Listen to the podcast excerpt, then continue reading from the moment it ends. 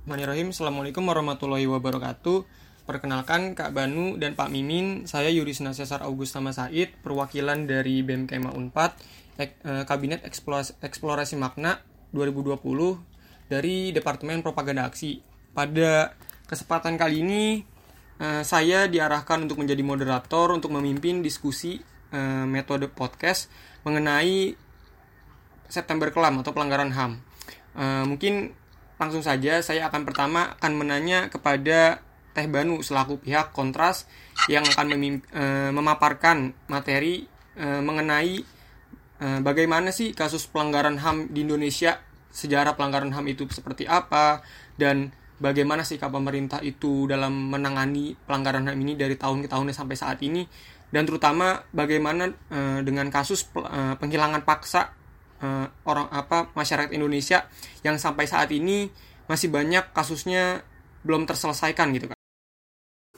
Dalam peristiwa Tanjung Priok itu selain ibu saya yang jadi korban adalah kakak abang dari ibu saya, jadi Pak di saya gitu.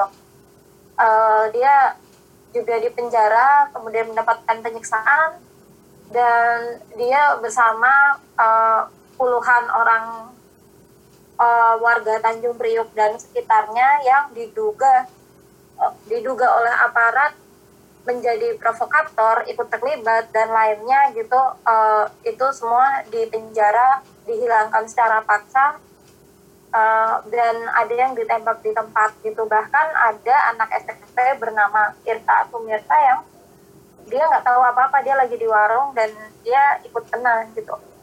Jadi memang ini uh, pembombardiran semua semua bisa kena sekalipun yang nggak tahu apa-apa. Kayak ibu saya juga nggak tahu apa-apa.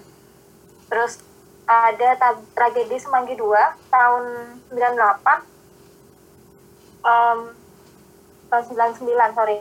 Nah tahun 99 itu uh, kalau kita lihat Bu Sumarsih itu kehilangan anaknya Wawan dan kini keluarga korban Semanggi 2 sedang uh, Semanggi satu dan dua itu sedang menuntut Kejaksaan Agung untuk meminta maaf agar kasus uh, agar uh, dia meralat ucapannya bahwa peristiwa Semanggi satu dan dua itu bukan pelanggaran HAM berat gitu.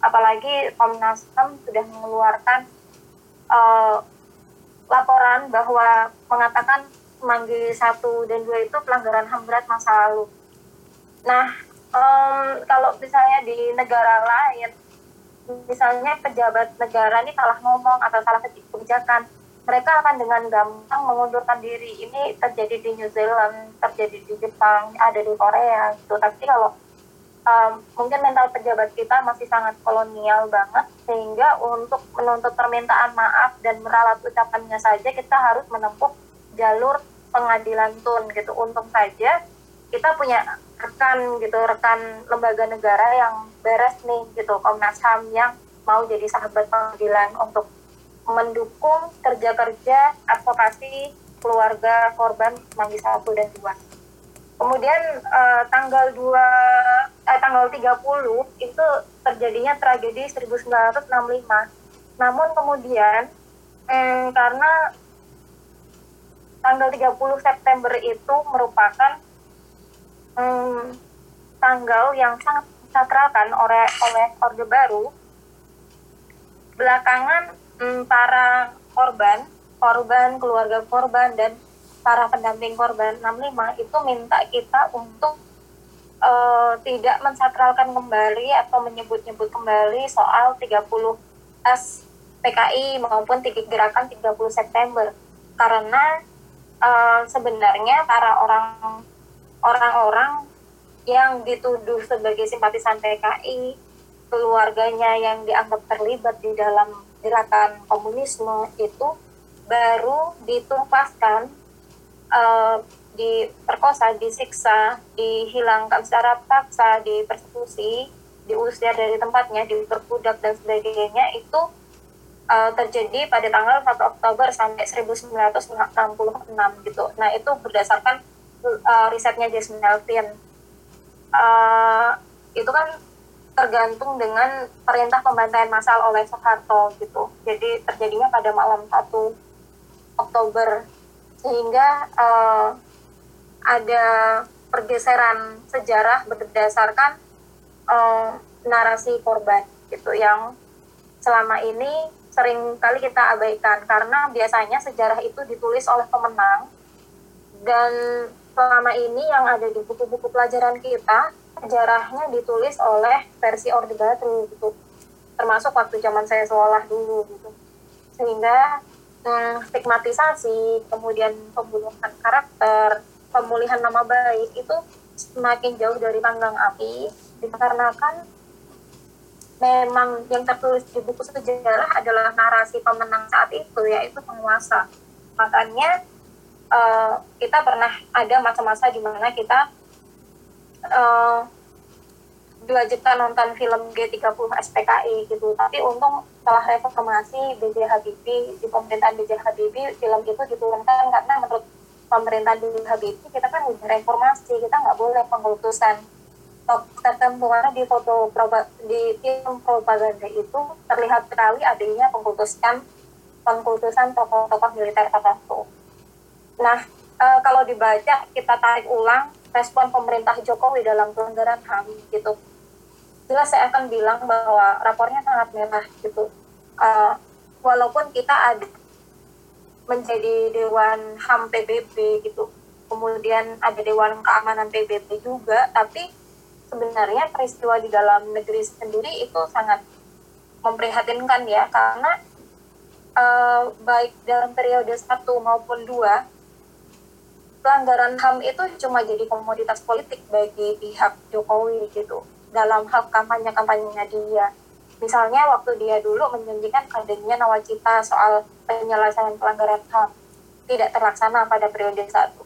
Pada periode dua, dia kembali membawa isu-isu bahwa Prabowo penculik dan sebagainya, tapi anehnya dia mengangkat Prabowo menjadi um, Menteri Pertahanan gitu. Kita pernah mengajukan keberatan untuk itu termasuk keberatan terhadap diangkatnya Muldoko uh, ke tapi uh, sepertinya pemerintah nggak dengar gitu, nggak dengar kita. Dan kita juga notice bahwa namanya pelanggaran HAM berat gitu kalau itu uh, bisa bisa um, kalau kita baca ringkasan eksekutif Komnas ciri-ciri pelanggaran HAM berat itu ya memang seperti itu. Terpola merupakan pengulangan dari tragedi sebelumnya. Dan uh, pada akhirnya kita tahu bahwa semua yang terjadi pada peristiwa 1965 1966 adalah uh, sebuah peristiwa yang pada tahun 84 terjadi di Tanjung Priok juga. Pada tahun 89 terjadi juga di Talang Sari pada tahun uh, 98 itu terjadi tragedi Semak Trisakti Semanggi reformasi. Itu semua sama polanya. Ada pembunuhan ada penembakan massal ada um, semacam pembersihan dan pembersihan lewat jalur militer gitu. Itu terjadi di Aceh dan Papua juga dengan adanya uh, darurat operasi militer di Aceh selama bertahun-tahun. Kemudian ada darurat militer di Papua juga. Namanya operasi militer ya kalau di Papua. Bahkan di Papua masih ada operasi militer sampai sekarang.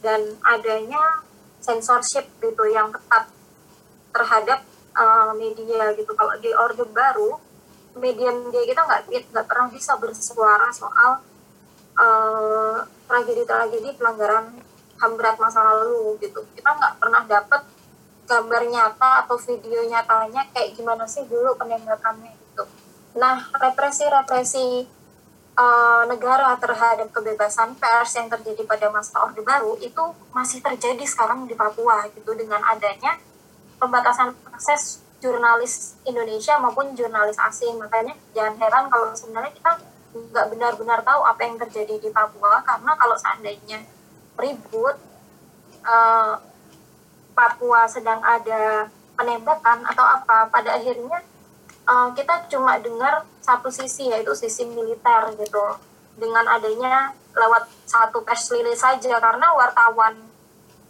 dari Jakarta itu nggak pernah benar-benar bisa uh, nyampe ke lokasi gitu karena adanya censorship, ada represi dan sebagainya. Dan begitu pula jurnalis asing itu nggak pernah bisa untuk masuk Papua. Jadi kalau jurnalis asing mau ke Jakarta itu bisa aja, kapan aja dia bisa ngeliput Jakarta.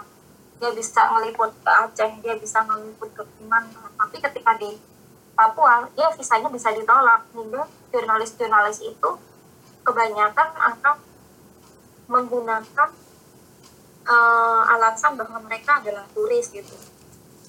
Padahal kalau seandainya ketahuan mereka turis, eh, mereka bukan turis tapi wartawan, mereka juga akan dideportasi itu sudah sering terjadi. Oleh sebab itu, uh, wajar jika banyak rakyat Indonesia yang nggak ngerti sebenarnya ada apa di Papua. Kemudian uh, selain itu juga di dalam pemerintahan Jokowi ada ada terjadi maladministrasi penanganan kasus yaitu pada kasus Talang Sari 1989 pemerintah tuh maunya nyelesain kasus tapi bukan lewat jalur yudisial bukan jalur yang sesuai dengan undang-undang tapi lewat jalur non yudisial tapi tanpa pengungkapan kebenaran. Jadi pemerintah uh, dari pihak Menko Polhukam itu kumpul bersama-sama dengan DPRD Lampung Timur uh, dan uh, Pemda setempat untuk bersepakat bahwa kasus Talang Sari ini uh, diselesaikan saja dengan memberikan uang kepada korban dan pembangunan wilayah serta masjid di wilayah Talang Sari.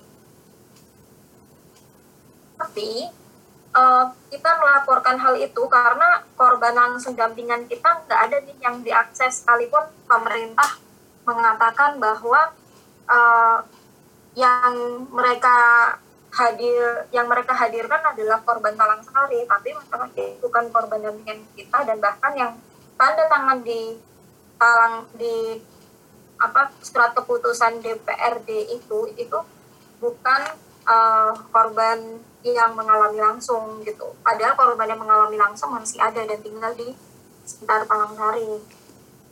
Nah kemudian kita kontras pernah melaporkan hal itu ke uh, Ombudsman Republik Indonesia dan uh, Ombudsman bilang bahwa apa yang dilakukan sama Menko Polhukam serta uh, Pem Pemda Lampung Timur itu adalah maladministrasi gitu. Dan di dalam surat perjanjian yang ditandatangani oleh pihak Menko Polhukam dan anggota DPRD dan satu orang uh, korban Talang Sari yang ternyata itu disebutkan bahwa kasus Talang Sari tidak boleh disebut-sebut lagi.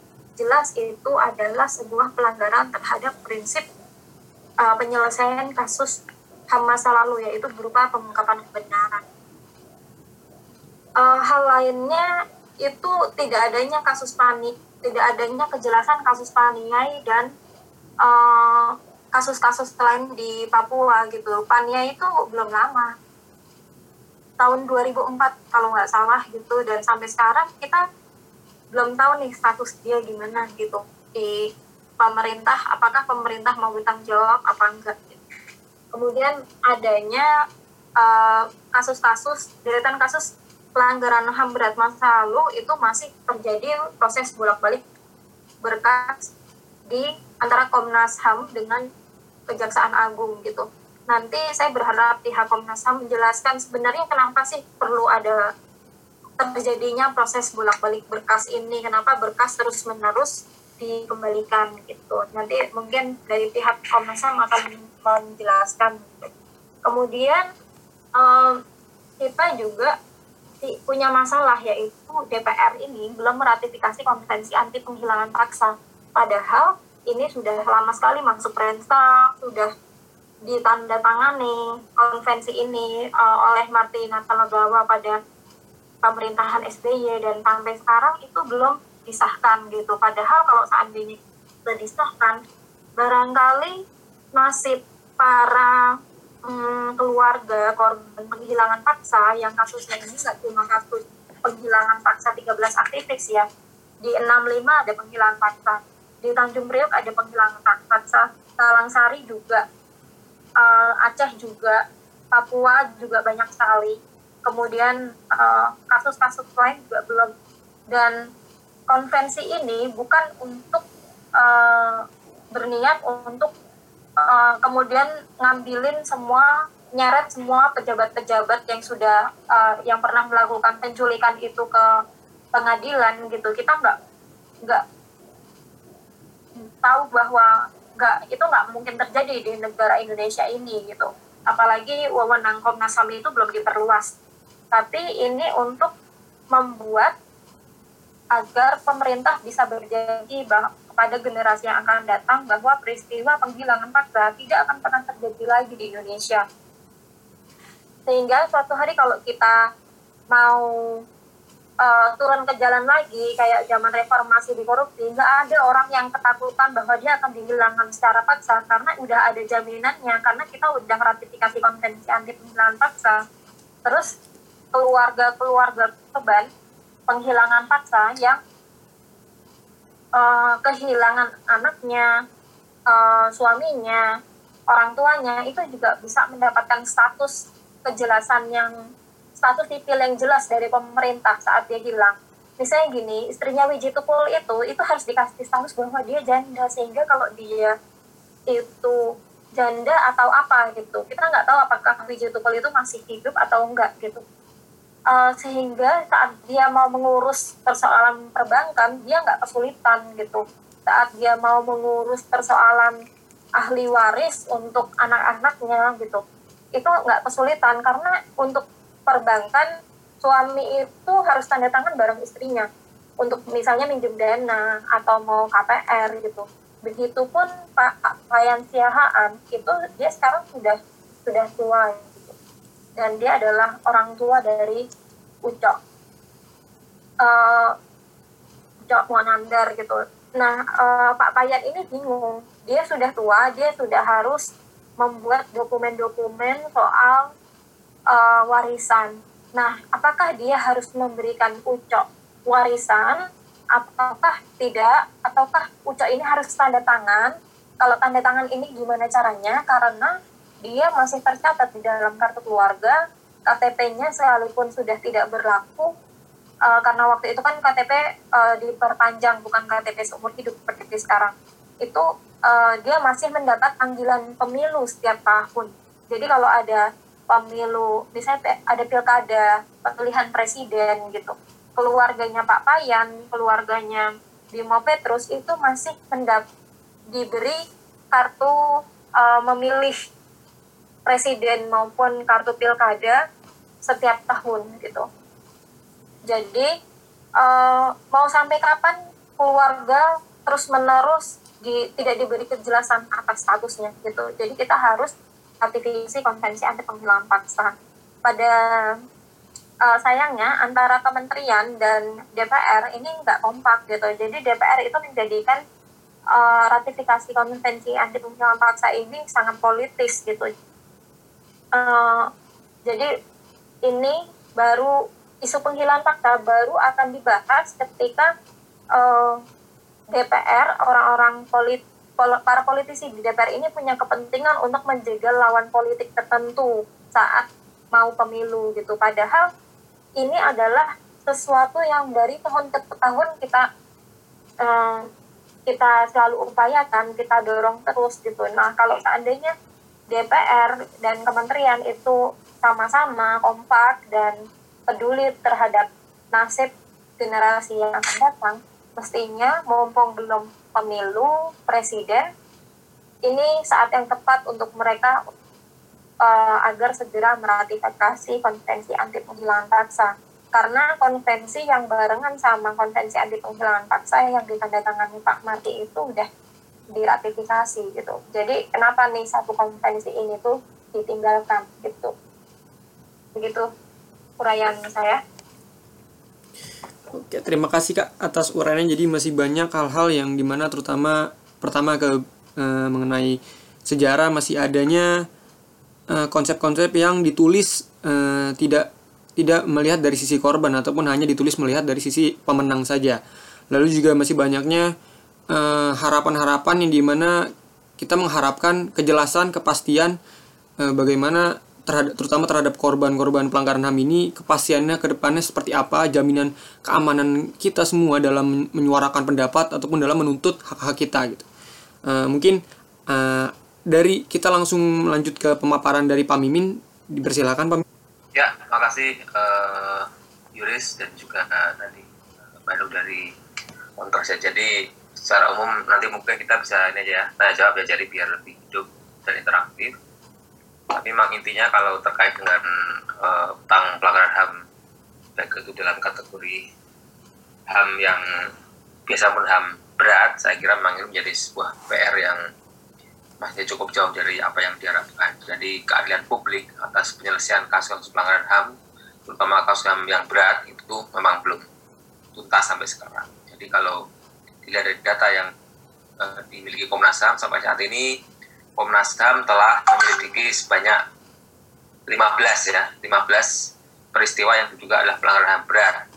Jadi dari 15 tersebut, tiga sudah sampai di pengadilan, namun demikian memang putusannya tidak sesuai dengan apa yang diharapkan dan tidak memenuhi keadilan para korban. Nah, tiga tersebut adalah peristiwa uh, Tanjung Priok 84, kemudian peristiwa Apipura tahun 2000 dan peristiwa uh, satu lagi adalah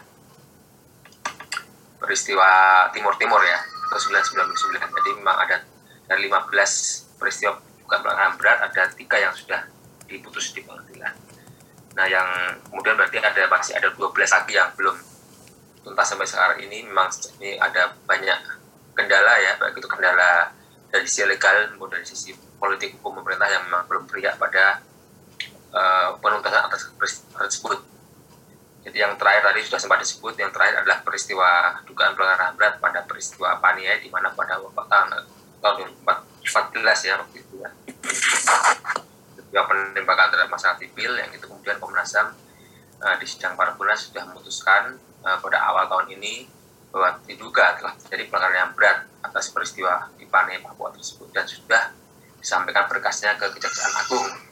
Nah sempat dikembalikan oleh Kejaksaan Agung karena uh, dianggap cara formal dan material itu, itu tidak mencukupi maka kemudian Komnas HAM sudah melakukan upaya-upaya untuk melengkapi dan sudah dikembalikan lagi pada bulan April yang lalu. Jadi sampai, sampai saat ini belum ada uh, apa belum ada informasi lanjut dari Kejaksaan Agung selaku penyidik sebagaimana diatur dalam Undang-Undang tentang Pengadilan HAM. Nah demikian juga dengan yang lain. Jadi yang lain juga seperti itu peristiwanya memang uh, dalam konteks uh, hukum masih banyak kendala, masih tadi sempat disebut juga oleh uh, rekan dari Kontras bahwa berkas bolak-balik dari hari ke gedung Buntar dari dan Agung karena memang persoalannya ada persoalan formil dan material. Itu menurut versi tapi menurut kami sebagai penyelidik ya itu tidak dalam undang-undang pengadilan itu sudah cukup. Dan karena sudah cukup maka kami yakin bahwa itu kemudian sudah memenuhi syarat formula material untuk dibawa dalam ranah penyidik dan penuntut umum jadi kejaksaan jadi itu. Nah itu memang masih cukup berat dan memang perlu upaya dan dorongan dari seluruh masyarakat luas supaya peristiwa itu tidak tidak kemudian terus menggantung. Dan saya kira juga peran dari generasi muda teman-teman mahasiswa juga penting karena berbagai berbagai peristiwa itu kan sudah bagian terjadi pada era sebelum sebelum orde baru ya maaf era sebelum reformasi jadi terjadi sebelum tahun 90 Pak. Jadi memang sudah cukup lama. Nah itu kemudian tantangan kita adalah bagaimana publik termasuk generasi muda ini kemudian terus bisa mengatur sebagai sebuah utang dari bangsa ini supaya terus di uh, apa terus menjadi perhatian negara dan kemudian negara juga harus melakukan langkah-langkah sebenarnya kewenangannya karena negara sebagai pengemban kewajiban dalam konteks penegakan maka negara harus menyelesaikan apa pun uh, yang terjadi itu tidak tidak boleh tidak tidak ada tidak ada excuse no excuse untuk kemudian ini sudah tidak diselesaikan. Jadi memang ini perlu perjuangan kita semua. Baik eh, dari jadi saya kira tidak hanya dari sisi legal formal yang itu Komnas HAM selaku penyelidik itu sudah menyampaikan berkas kejadian itu tapi juga saya kira dari sisi non legal formal juga perlu. Artinya apa? Dorongan tadi dorongan masyarakat kampanye publik lobby-lobby dan sebagainya sangat penting karena di mana pun yang namanya public support public pressure itu penting dalam konteks advokasi hak asasi manusia Nah kemudian untuk konteks lain di luar peristiwa pelanggaran berat, saya kira kita juga masih punya banyak pekerjaan yang tidak mudah. Jadi misalnya, misalnya uh, masih banyak uh, pelanggaran HAM terkait dengan konflik agraria, ya kan, kemudian terkait dengan perbedaan beragama dan berkeyakinan, kemudian juga terkait dengan pemenuhan hak atas keadilan juga saya kira masih cukup banyak. Kalau berdasarkan data Komnas HAM, maka uh, saya ya kutip aja tahun 2019 bahwa kemudian memang ada tiga kategori dugaan pelanggaran HAM yang masih menjadi dominan. Pertama adalah dugaan pelanggaran HAM atas keadilan, yang kedua uh, pelanggaran atas kesejahteraan, ketiga pelanggaran hak atas rasa aman. Nah, kemudian tiga aktor utama yang banyak diadukan yaitu konsisten sama selama beberapa tahun terakhir adalah pertama adalah polisian, yang kedua adalah korporasi, yang ketiga adalah pemerintah daerah. Jadi saya kira ini terus-menerus Komnas HAM sebagai lembaga negara itu kemudian dengan kewenangan yang diatur dalam Undang-Undang Hak Asasi Manusia mendorong terus supaya uh, berbagai peristiwa tersebut diselesaikan dan ditangani oleh negara. Karena bagaimanapun negara yang berkewajiban untuk kemudian menyelesaikannya dan juga menangannya secara uh, bermartabat, secara akuntabel dan non diskriminatif. Non diskriminatif. Jadi saya kira itu kira-kira jadi uh, memang masih cukup ini ya uh, masih cukup panjang cukup uh, banyak pekerjaan rumah yang harus kita selesaikan saya kira Komnas HAM juga sebagai lembaga uh, negara yang independen itu tidak bisa sendirian kita harus bersama-sama sinergi bersatu kemudian mendorong tuntas supaya di pelaksanaan komisi itu sebagaimana diamankan dalam undang-undang kesehatan itu bisa terwujud dan terlaksana dan bisa dinikmati oleh seluruh masyarakat Indonesia tanpa terkecuali. Uh, Oke, okay, berarti uh, dapat ditarik uh, ini bahwa gak cuma dari pihak Komnas HAM ataupun dari Kontras, tapi dari seluruh elemen masyarakat termasuk pemerintah pun uh, wajib sama-sama uh, kita bekerja keras sama-sama bersuara sama-sama memperjuangkan hak-hak yang di mana seharusnya kita dapatkan, seharusnya kita terima dan kita uh, bisa mendapatkan uh, kejaminan bahwa kita bisa mendapatkan keamanan dalam melakukan uh, demokrasi, dalam melakukan uh, suara yang mengeluarkan suara berpendapat untuk menuntut demi uh, keadaan masyarakat ke depannya bisa lebih baik lagi sehingga nanti anak-anak kita, cucu-cucu kita ke depannya bisa uh, tidak bisa uh, tidak merasakan hal-hal yang tidak seharusnya pada tahun-tahun sebelumnya itu dirasakan gitu yang hal-hal kelam yang terjadi baik itu Eh, pelanggaran HAM berat ataupun yang lainnya itu bisa eh, terhindari untuk anak-anak cucu kita ke depannya. Dan mungkin ada pertanyaan terakhir kepada saya dari saya kepada Kak Banu dan juga Pak Mimin eh, bagaimana pandangan Kak Banu dan Pak Mimin itu mengenai terutama dalam masa pemerintahan Pak Jokowi terutama dalam pengangkatan dua ex anggota Timawar nih ke dalam kabinetnya Pak Jokowi yang di mana tadi sudah dijelaskan oleh Kak Banu juga uh, hal ini tuh yang membuat bingung gitu seluruh elemen masyarakat kenapa uh, yang sebelumnya Pak Jokowi kelihatannya bertempur tapi kenapa mengangkat lagi gitu uh, men uh, menjadi bagian dari kabinetnya sendiri. Mungkin bisa dimulai dari Kak Banu.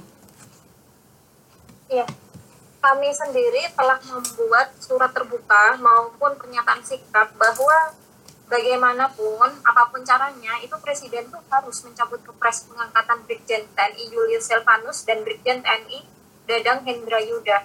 Kalau perlu seandainya uh, desakan masyarakat sipil itu kurang keras untuk pemerintah dalam hal ini kita dari divisi hukum kontra sedang uh, berdiskusi apakah sebenarnya kita bisa uh, menuntut ke pengadilan gitu. Karena bagaimanapun pemerintah Joko Widodo punya hutang kepada kita masyarakat sipil dan keluarga korban maupun korban pelanggaran HAM masa lalu untuk menggelar uh, pengadilan ad hoc gitu pengadilan HAM ad jadi hmm, apa yang dilakukan sama pemerintahan Joko Widodo saat ini itu nggak memenuhi syarat pemerintahan uh, yang baik kan sebenarnya ada ya undang ada tentang undang-undang nomor 30 tahun 2014 tentang administrasi pemerintahan yang mengharuskan berdasarkan pada asas perlindungan terhadap hak asasi manusia dan asas-asas umum pemerintahan yang baik. Nah, udah berapa kali nih Jokowi melakukan itu? Yang pertama saat dia nge menaikkan Prabowo gitu, kemudian dia uh, periode lalu juga naikin Wiranto, kemudian ada Jenderal Muldoko, kemudian ada hmm, si Dalang Munir gitu. Kemudian uh, pemerintahan Joko Widodo juga semakin keluar dari agenda reformasi. Padahal uh, inilah ini Indonesia jadi negara seperti sekarang nggak di bawah diktator, nggak militerisme itu karena adanya reformasi itu. Tapi kenapa justru ada pembungkaman-pembungkaman terhadap hak berekspresi masyarakat sipil lewat misalnya adanya UU ITE gitu. Kita harus dukung uh, masyarakat-masyarakat sipil yang sampai sekarang masih berupaya untuk uh, menggugat UU ITE ini ke Mahkamah Konstitusi gitu. Uh, saya terus memantau itu gitu. Jangankan pemerintah pemerintah yang baperan dan orang-orang yang punya power, punya uang, bisa sewa pengacara itu bisa uh, mengancam siapa pun yang tidak mereka sukai dengan UU ITE gitu. Dan itu sangat mengerikan gitu. Kita gak jadi negara demokrasi kalau kita nggak bebas berpendapat. Kalau kata Obama aku nggak suka pendapatmu tapi akan melindungi uh, untuk berpendapat gitu. walaupun Obama juga bukan orang orang clear tapi saya pikir uh, kutipan dia soal bagaimana kebebasan berekspresi itu harus dilindungi gitu itu sangat penting buat negara demokrasi kayak Indonesia ini gitu. Karena memang riwayat demokrasi kita kan sangat masih sangat panjang tapi bukan berarti kita nggak bisa mengejar. Karena gini-gini demokrasi kayak gini kita pernah kok punya uh, presiden perempuan. Kita pernah punya presiden yang uh, disabilitas gitu. Itu di negara lain nggak pernah gitu. Jadi kalau seandainya orang bilang ya wajar kita masih kayak gini kita kan belum negara maju justru Indonesia mesti ngejar gitu mesti membuktikan kepada dunia bahwa dia bisa kok jadi negara maju. Buktinya presiden-presiden uh, Amerika yang demokrasinya panjang gitu aja nggak pernah punya presiden perempuan nggak pernah punya presiden disabilitas gitu. Nggak pernah punya presiden misalnya sepintar Habibie gitu kan nggak pernah gitu. Justru Indonesia pernah gitu. Jadi itu jadi rekam sejarah gitu. Kalau seandainya Jokowi sekarang kayak gini dia justru memberikan kemunduran. Karena sekalipun dia orang sipil semua kementerian dan semua gas covid yang dia buat itu semuanya dari pihak tentara militer maupun intelijen gitu kita jadi nggak percaya lagi bahwa benar nggak sih presiden kita itu sipil gitu jangan-jangan sipil yang menyamar gitu gitu sih Eh, mungkin bisa ditambahkan dari Pak Mimin. Iya, makanya jadi sebenarnya ini perusahaan yang krusial ya, karena memang uh, ini ada ada akar masalahnya. Nah, kenapa? Kenapa kemudian uh, berkeberatan dengan diangkatnya dua mantan anggota tim mawar tersebut sebagai pejabat tinggi media di Kemenhan saya kira juga ada sebabnya yaitu adalah adanya peristiwa menjatuhkan aktivis ya tahun 1998. Nah dalam peristiwa itu Komnas HAM sudah menetapkan bahwa itu adalah diduga adalah pelanggaran berat dan kita ingat pada tahun 2009 DPR sidang paripurna juga sudah menyatakan dan merekomendasikan supaya presiden segera kemudian membentuk pengadilan HAM ad hoc pada saat itu.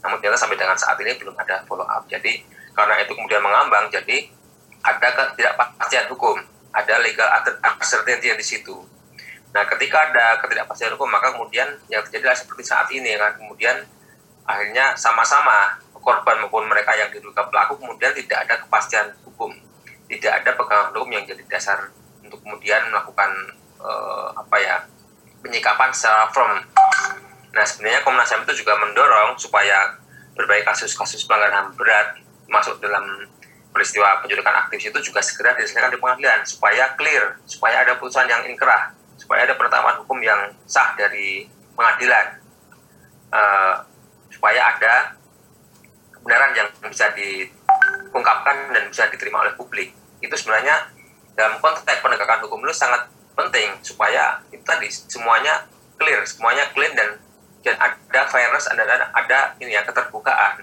sehingga kemudian pihak-pihak yang selama ini masih juga sebagai pelaku itu kemudian bisa melakukan pembelaan dan melakukan upaya-upaya sepenuhnya di pengadilan sampai dengan ada putusan. Tapi kalau seperti sekarang ini kan semuanya mengambang kan, karena juga tidak jelas karena belum sampai ke tingkat pengadilan. Itu harusnya yang menjadi perhatian oleh dari presiden dan segenap pemerintah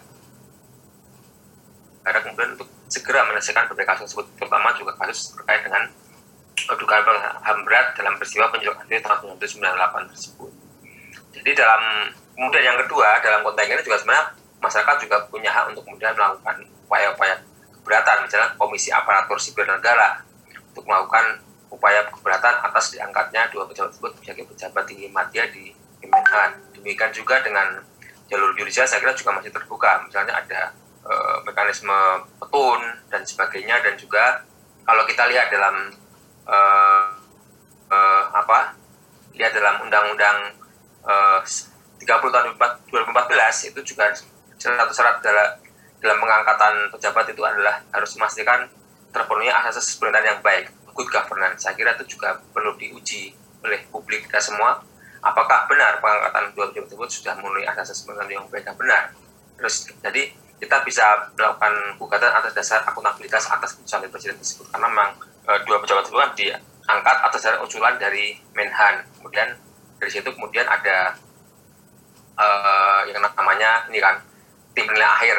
Misalnya ada di setnek ya. Itu kemudian yang kemudian memutuskan pejabat tinggi media itu kemudian diangkat. Itu tergantung pada penilaian dari tim penilai akhir di setnek sekretariat negara. Jadi saya kira prosedur itu bisa kemudian publik bisa ah, mempertanyakan saya kira ini hak publik ya karena kan yang diangkat adalah pejabat tinggi media maka publik pun punya hak untuk kemudian mempertanyakan dan kemudian menggugatnya di jalur yang yang semestinya ini karena ini sebagaimanapun perlu sebuah pembelajaran publik karena bagaimanapun siapa pun yang menduduki jabatan strategis di berbagai kementerian lembaga juga harus benar-benar track recordnya bisa dipastikan clear and clean dari sisi asasi mana dari sisi hukum. Jadi saya kira itu penting. Dan saya kira sekali lagi publik masih punya waktu untuk kemudian melakukan upaya-upaya sepenuhnya supaya uh, kita semua sebagai masyarakatnya tidak dirugikan oleh putusan pengangkatan dua pejabat tersebut. Saya kira itu ya uh, poinnya seperti itu. Saya boleh menambahkan nggak? Boleh kak, mangga. Silahkan. Ya.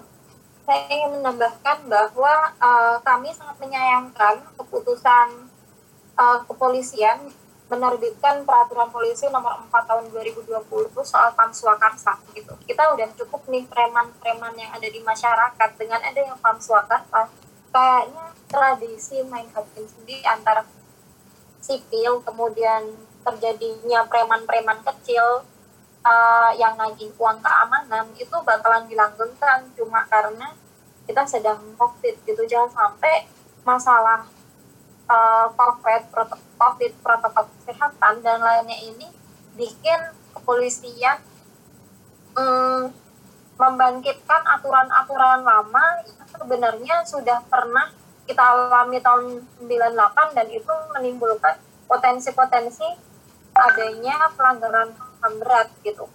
Jadi uh, misalnya soal protokol kesehatan sebenarnya di tubuh kepolisian sendiri yang korban kena positif COVID itu di sekolah-sekolah kepolisian itu banyak di di tempat kepolisian juga banyak. Terus kemudian uh, pemerintah menggandengnya kepolisian TNI dan bin yang di lembaganya sendiri mereka itu fragile juga terhadap covid gitu. Nggak ada dari kita yang kebal covid kan. Itu uh, menggunakan militerisme untuk mengatasi pelanggaran-pelanggaran ma masyarakat soal covid gitu. Tapi pilkada lanjut terus gitu. Kemudian uh, Polri sendiri masih menggunakan dan membagikan uh, masker yang tidak standar gitu. Yang itu ada sablonnya Polri TNI Polri yang sebelah kanan Polri yang sebelah kiri TNI atau aku nggak tahu kebalik kayaknya. Nah itu kan uh, orang-orang jadi untuk mengatasi COVID itu serahkan kepada ahli pandemi, serahkan kepada ahli kesehatan gitu, bukan militer gitu. Ini kita menghadapi musuh yang nggak kelihatan. Kalau seandainya hmm, Perpol nomor 4 tahun 2020 tentang PAM Swakarsa ini pada akhirnya secara praktik diterapkan gitu ya nanti akan memunculkan kelompok yang bertindak sewenang sehingga pengerahan uh, untuk kepentingan politik praktisnya tetap um, terlaksana. Misalnya gini demo itu itu berapa ribu orang mahasiswa yang demo di DPR pada reformasi di korupsi itu juga ada ribuan orang dan polisi nggak pernah kehilang nggak pernah kehabisan personil untuk membubarkan demo. Bisa dengan letter kanan buat buat apa. Tapi dangdutan pilkada dangdutan pilkada saat uh, covid yang melanggar uh, melanggar uh, protokol kesehatan kemudian kalau seandainya ada penyegelan atau pembakaran yang terjadi pada kelompok si Sampang pada saat di Madura dulu polisi selalu bilang mereka nggak punya sumber daya untuk mencegah preman-preman sipil itu uh, merusak rumah warga gitu. Mereka uh, polisi selalu kekurangan personil saat terjadinya pengerusakan gereja, terjadinya pengerusakan makam Sunda Wiwitan misalnya. Polisi selalu ada alasan itu gitu, tapi giliran untuk membubarkan demonstrasi mahasiswa, polisi nggak pernah tuh punya punya alasan untuk melakukan pembubaran itu gitu. Alasannya ya kenapa uh, polisi beraninya sama mahasiswa dan anak STM gitu. Kenapa uh, saat kepala preman yang pada kalau seandainya PAM Swakarsa ini sudah benar-benar diadaptasi benar-benar terjadi itu premannya itu bisa mendapat legitimasi dari kepolisian gitu apakah nggak makin repot tuh kepolisian gitu karena premannya jadi makin banyak gitu aja sih gitu Terima kasih. Terima kasih Pak Mimin dan Kak Banu uh, atas pemaparannya. Berarti dapat kita tarik kesimpulan bahwa pertama dari sejarah kita banyak hal-hal yang ditulis sekali lagi ditulis dari pemenang. Banyak hal-hal yang uh, tidak melihat dari sisi korban terutama yang uh, merasakan korban pelanggaran HAM baik itu pemerkosaan, penculikan, penghilangan paksa atau dan yang lain-lainnya. Dan juga masih banyaknya Eh, kesalahan-kesalahan pemerintah yang di mana dalam menanggapi uh, apa kasus-kasus pelanggaran ini pelanggaran ham ini dalam memproses kasusnya seperti tidak masuk akal uh, jawaban-jawaban yang dikeluarkan statement-statement yang dikeluarkan ataupun hasil-hasil yang telah mereka lakukan itu uh, seperti tidak masuk akal tidak tidak semestinya pemerintah melakukan hal-hal seperti itu gitu yang di mana harapan kita sebagai masyarakat itu hanya mendapatkan kepastian, kejelasan, dan juga ke kejaminan kita itu bakal aman, bakal tentram dan tidak mendapatkan hal-hal di masa lampau yang kelam itu lagi di saat kita menyuarakan pendapat kita, di saat kita memperjuangkan pendapat kita, pendapat kita dan di saat kita menuntut hal-hal yang seharusnya kita dapatkan. Dan juga harapannya mengenai polisi tadi yang di mana kita eh, terutama dalam covid ini bisa sama-sama berpikir secara rasional gitu kan. Uh, tidak ada alasan yang di mana seperti Kak Banu bilang tadi alasan seperti itu kayak alasan bukan alasan pemerintah yang berintegritas gitu kayak hanya omongan belakang aja gitu kan. Maksudnya seharusnya pemerintah itu tetap menindak tegas kepada siapa pun yang melanggar aturan yang telah ditetapkan gitu. Tidak semena-mena hanya uh, menindak mahasiswa yang memperjuangkan rakyat tapi di saat melakukan konser di masa pandemi ini yang di mana efek negatif banyak uh, didapatkannya tapi malah tidak ditindak dengan tegas gitu. Dan juga banyak hal-halnya uh, uh, kesalahan-kesalahan ataupun kekeliruan-kekeliruan dan juga uh, statement ataupun tindakan Pak Jokowi yang tidak sesuai dengan apa yang telah ia kampanyekan atau ia bicarakan di mana entah, uh, ia akan menyelesaikan kasus pelanggaran HAM yang sampai saat ini belum ada kejelasannya dan juga tindakan-tindakan Pak Jokowi dalam mengangkat uh, orang-orang dalam kabinetnya yang tadi Kak Banu bilang apakah presiden kita beneran orang sipil atau tidak gitu. Seharusnya kalau misalkan memang orang sipil tidak ada sistem seperti itu lagi yang di mana pengangkatan itu juga membuat kita skeptis terhadap pemerintah kita sendiri gitu. Jadi harapan ke depannya kita itu e, bisa mendapatkan e, kepastian kejaminan dan juga e, realisasi dari uh, omongan pemerintah ataupun tindakan pemerintah yang ingin benar-benar menyelesaikan kasus pelanggaran HAM ini terutama yang eh, sangat-sangat kita tunggu ataupun sangat-sangat kita harapkan kejelasannya terutama eh, terhadap korban-korban keluarga-keluarga korban yang eh, menerima penghilangan paksa ataupun hal-hal lainnya gitu. Jadi sekian pema- eh, kesimpulan yang saya upa- tuturkan. Mungkin ada tambahan lagi dari Pak Mimin atau Kak Banu? Aku sudah. Eh, ya cukup saya kira cukup. Yang penting seperti tadi itu jadi teman-teman generasi muda saya kira eh, menjadi bagian penting dari gerakan hak asasi manusia. Jadi karena memang tentang waktu yang cukup jauh kalau kita eh, lihat dari konteks hak, apa pelanggaran HAM yang berat ya karena terjadi tahun 65, 80, 90 ya itu teman-teman kan banyak yang belum lahir ya. Atau Ya. masih sangat eh, muda. Jadi itu yang menjadi tantangan kita bagaimana supaya rantai sejarah itu tidak putus. Itulah tantangan kita sehingga memori publik itu tetap terbangun sampai nanti terbangunlah yang namanya hak atas keadilan bagi korban. Saya kira itu pesan saya pada teman-teman muda ya. Saya kira dengan eh, apa dengan sekarang sekarang dengan faktor yang lebih lengkap kemudian dengan majunya teknologi informasi, informasi saya kira menjadi peluang bagi teman-teman untuk kemudian membantu secara kreatif eh, upaya-upaya kampanye dan ini ya sosialisasi sehingga masyarakat itu lebih melek kemudian masyarakat juga berpartisipasi dalam mendorong dan memberikan tekanan-tekanan yang benar sehingga negara ini menjadi lebih akuntabel dalam konteks penegakan hak asasi manusia. Saya kira itu harapan saya pada teman-teman mahasiswa ya. Jadi harus tetap kritis dan harus menjadi gerakan yang yang menjadi penyeimbang bagi negara ini seperti tahun 98 dan sebelumnya. Itu terima kasih. baik terima Kalau kasih bisa sih, eh, gimana caranya supaya anak eh, teman-teman mahasiswa ngedukung memperkuat Komnas HAM, kayak ma- teman-teman mahasiswa eh, minta presiden untuk memperkuat KPK gitu. oke Jadi biar HAM punya punya wewenang yang lebih kuat gitu untuk melakukan pemanggilan paksa ataupun eh, gimana caranya Komnas HAM aja deh yang nyelesain kasus HAM karena ini kejaksaan ini nggak ngerti gitu. Misalnya. Jadi harapannya adalah mahasiswa juga lebih benar-benar memperhatikan gitu kasus pelanggaran HAM ini dan juga sama halnya dengan kita sama-sama kayak menuntut KPK untuk diperkuat kayak menuntut Komnas HAM untuk juga diperkuat wewenangnya agar kasus HAM ini bisa terselesaikan secepatnya gitu.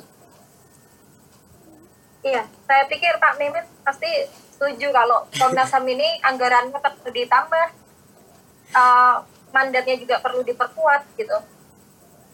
Ya Pak. Ya mantap lah. Pokoknya kita dukung. Makasih semuanya, makasih semoga semuanya sehat dan kita terus semangat ya. Siap. Ah, amin. Amin amin. Oke, baik. Eh, mungkin itu statement terakhir dari saya, dari Kak Banu dan juga dari Pak Mimin. Eh, terima kasih banyak atas eh, kehadiran Kak Banu, Pak Mimin yang telah bersedia untuk menjadi pembicara dalam eh, diskusi kali ini. Lagi terima kasih bagi Pak Mimin dan Kak Banu sudah bersedia hadir dari sini. Sekian dari saya. Wassalamualaikum warahmatullahi wabarakatuh. Mohon maaf bila ada kesalahan dan tutur kata yang tidak mengenakan.